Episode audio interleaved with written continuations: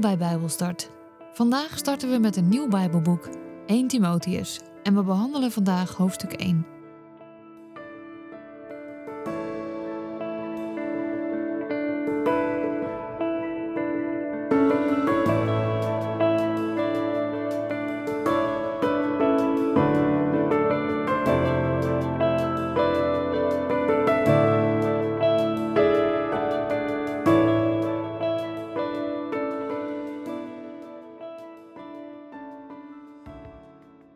Ik lees met jullie uit de basisbijbel 1 Timotheus hoofdstuk 1.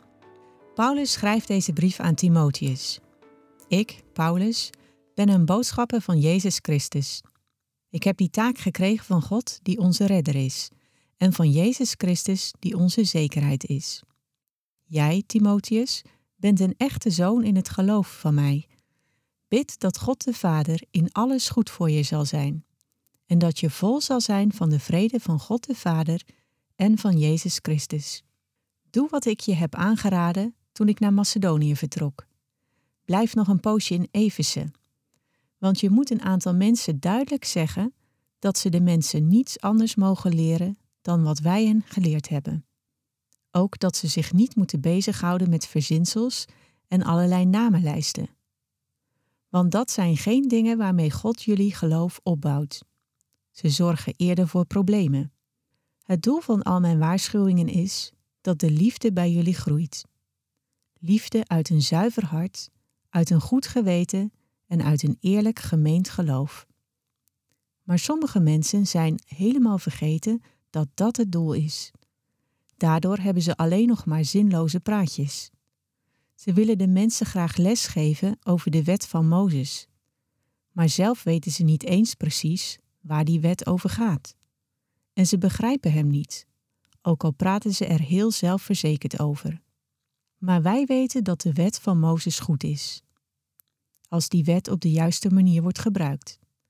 Het is namelijk zo dat de wet van Mozes niet bedoeld is voor goede mensen, maar hij is voor slechte mensen, voor mensen die zich van niets en niemand iets aantrekken, ongehoorzaam zijn aan God, oneerlijk en onheilig zijn hun vader of moeder vermoorden of andere mensen doden, of seks met allerlei mannen of vrouwen hebben.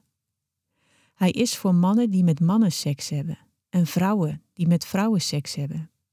Hij is voor slavenhandelaren, voor leugenaars, voor mensen die liegen tegen de rechtbank en verder voor alle andere mensen die dingen doen die niet overeenkomen met de gezonde dingen die God ons leert. God leert ons die in het goede nieuws dat Gods grote liefde en macht laat zien. Dus in het goede nieuws dat God mij heeft gegeven. Ik dank onze Heer Jezus Christus dat Hij mij voldoende vertrouwt om mij het goede nieuws te laten prediken. Hij heeft mij daarvoor ook de kracht gegeven. En dat terwijl ik vroeger God zwaar beledigd heb. Want ik heb Zijn gemeente vervolgd en mishandeld. Maar God heeft mij dat vergeven. Want ik wist niet dat het verkeerd was wat ik deed doordat ik nog niet in Jezus geloofde. Maar de liefde van de Heer was meer dan groot genoeg om mij dat te vergeven. En hij gaf mij zijn geloof en zijn liefde. Wat ik nu ga zeggen is waar en iedereen moet het geloven. Jezus Christus is in de wereld gekomen om de mensen te redden die ongehoorzaam zijn aan God. En ik zelf was de ergste van allemaal maar ik heb vergeving gekregen. Zo kon Jezus Christus in mij laten zien hoe geduldig Hij is. Zijn geduld met mij, de slechtste mens, zou zo een voorbeeld zijn voor de mensen die later in Hem zouden geloven en het eeuwige leven zouden krijgen. Voor de Koning van alle eeuwen, de God die wij niet kunnen zien en die nooit sterft, de enige ware God. Voor Hem is alle eer en alle macht en majesteit, voor eeuwig. Amen. Zo is het. Mijn zoon Timotheus, vroeger is er over je geprofiteerd. Nu ik je deze taak gegeven heb, zeg ik je: vergeet die profetieën niet. Dat zal je helpen om met een vast geloof en een goed geweten de goede strijd te voeren. Omdat sommige mensen niet goed naar hun geweten hebben geluisterd, zijn ze hun geloof kwijtgeraakt. Hymenaeus en Alexander zijn zulke mensen. Ik heb hen overgegeven aan de duivel, zodat ze het zullen afleren om slechte dingen over God te zeggen.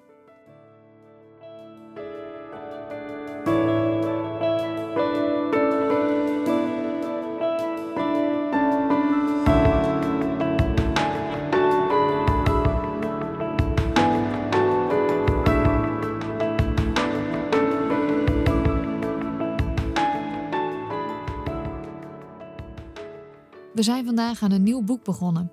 Opnieuw een brief van Paulus, dit keer aan Timotheus. Paulus heeft een aantal jaar in de gevangenis gezeten, maar is ook weer vrijgekomen. Helaas was die vrijheid maar van korte duur en werd Paulus na een aantal jaar opnieuw gearresteerd en gevangen genomen. Deze brief aan Timotheus is ongeveer in het jaar 64 geschreven en men denkt dat hij geschreven is in Filippi. Waarschijnlijk is deze brief kort voor Paulus' laatste gevangenschap geschreven. Maar wie was Timotheus? Timotheus was een van Paulus' dierbaarste vrienden en collega's.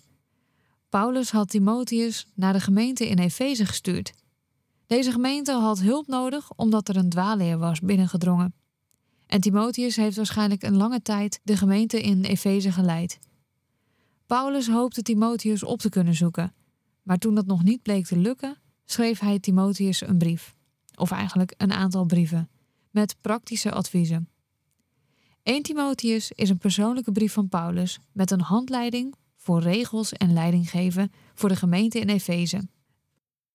De zes hoofdstukken van dit boek zijn op te splitsen in drie onderdelen, namelijk aanwijzingen voor het geloofsleven in hoofdstuk 1, aanwijzingen voor de gemeente in hoofdstuk 2 en 3 en aanwijzingen voor oudsten in hoofdstuk 4 tot en met 6.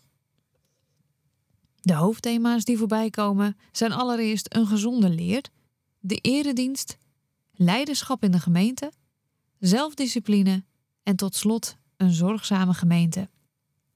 Wat de gezonde leer betreft, hier hebben we Paulus natuurlijk al veel vaker over gehoord. Paulus heeft in alle brieven die wij al behandeld hebben opgeroepen om te waken voor een dwaalleer die verspreid werd. Halve waarheden, verkeerde opvattingen en vreemde regels. Toets ze in de Bijbel en zorg ervoor dat je niet met de verkeerde mensen in zee gaat. Paulus gaf Timotheus ook aanwijzingen om zorg te dragen voor een gezond geloof, door zelf de goede leer te brengen en een voorbeeld te zijn van hoe het is om als christen te leven. Timotheus moet het hoofd bieden aan valse leraars, want die kunnen de gemeenteleden afleiden van de overtuiging dat mensen alleen gered worden door het geloof in Jezus. Het helpt ons om de waarheid te kennen, om ons zo te kunnen verdedigen. In deze brief gaat het ook over de eredienst. En dan gaat het vooral over het gebed in de eredienst. De geest van Jezus moet herkenbaar zijn in elk onderdeel van de eredienst. En daarom beschrijft Paulus er ook uitgebreid over. Hij heeft het over aanstootgevende kleding, boosheid en wrok. Deze dingen kunnen namelijk de aanbidding en de eenheid in de gemeente verstoren en daarom moeten ze geweerd worden. Wat betreft leiderschap in de gemeente geeft Paulus richtlijnen met de voorwaarden voor de gemeente en voor de leiders. Het doel daarvan is dat de gemeente God kan leren kennen en dat de gemeente goed functioneert. Vervolgens komt er nog zelfdiscipline of discipline aan bod. Dat is namelijk een van de vereisten voor iemand die leiding geeft in een gemeente. Net als alle andere leiders moet Timotheus zijn motieven zuiver houden, trouw blijven dienen en onberispelijk leven. Iedere voorganger moet moreel geestelijk fit blijven. En om geestelijk in vorm te blijven, is discipline nodig om Gods woord te zoeken, het te onderzoeken en te leven zoals God het wil. En een tip daarbij is om je geestelijke gaven te gebruiken. En tenslotte zal het in deze brief gaan over een zorgzame gemeente. En dat betekent dat de gemeente verantwoordelijk is voor de zorg van al haar leden. En in het bijzonder de mensen die ziek zijn, arm zijn of weduwen.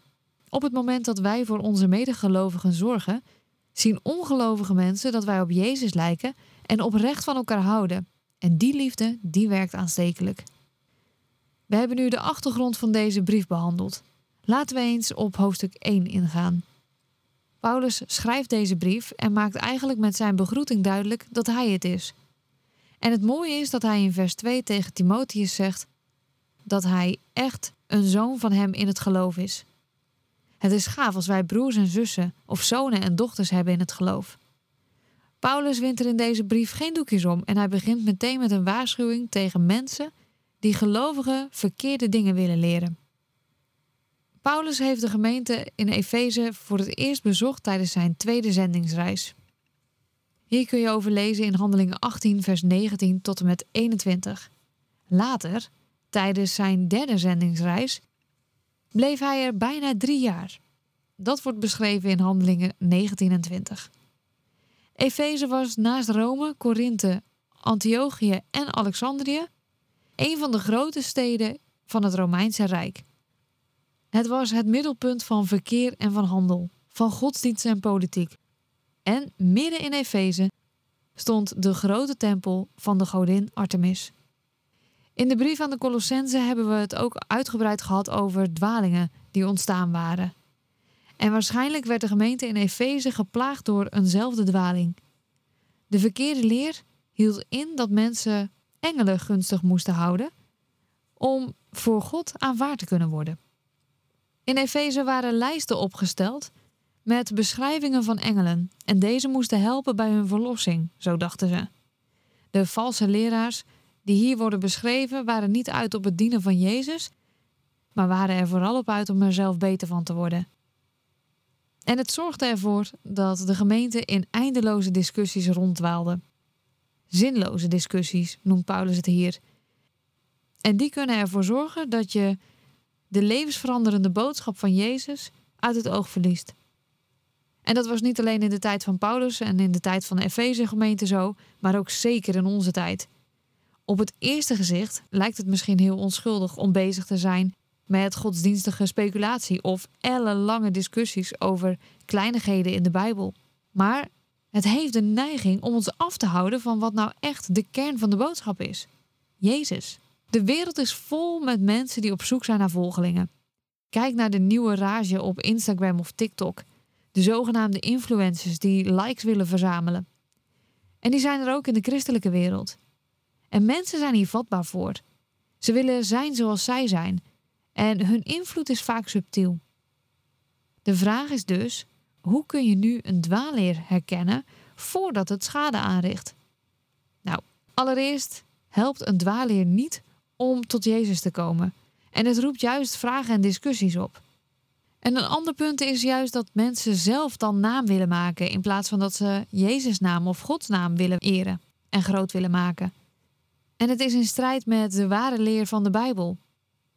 Luister dus niet naar al die dwaalleraars, maar onderzoek dat wat de Bijbel ons leert en blijf standvastig vertrouwen op Jezus. En dan komen we eigenlijk ook indirect op het doel van de wet. Want het doel van de wet is niet om de gelovigen voor iedere gelegenheid maar een lijst met geboden te geven en het je zo moeilijk mogelijk te maken. Nee, het laat inzien of de dingen die gezegd worden kloppen. Er zijn veel christenen die zeggen dat mensen zelf moeten weten hoe ze hun leven inrichten.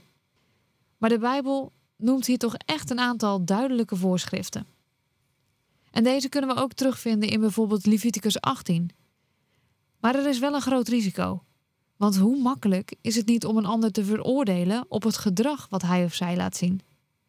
We moeten deze mensen niet belachelijk maken of haten. En we hoeven ook niet bang voor ze te zijn. De gemeente van God moet een veilige haven zijn waar vergeving en genezing te vinden is. Er zijn voldoende mensen die met een verschrikkelijk groot schuldgevoel rondlopen voor dat wat ze vroeger gedaan hebben. En ze denken dat God het hun nooit zal vergeven en God hen nooit zal aanvaarden. Eigenlijk hebben ze zichzelf al voor God veroordeeld. Als medechristenen moeten wij daar dus absoluut geen schepje bovenop doen, door dat wat we zeggen of door ons gedrag. Want daarmee veroordelen wij ze ook nog eens. Nee, wij mogen ze wijzen op het verhaal van Paulus. Het verleden van Paulus was absoluut niet om over naar huis te schrijven. Hij had leerlingen en volgelingen van Jezus opgejaagd en vermoord. En als jij nou met zo'n enorm schuldgevoel zit over dat wat je in het verleden gedaan hebt, bedenk dan dat God Paulus vergeving heeft geschonken. en jou dus ook wil vergeven.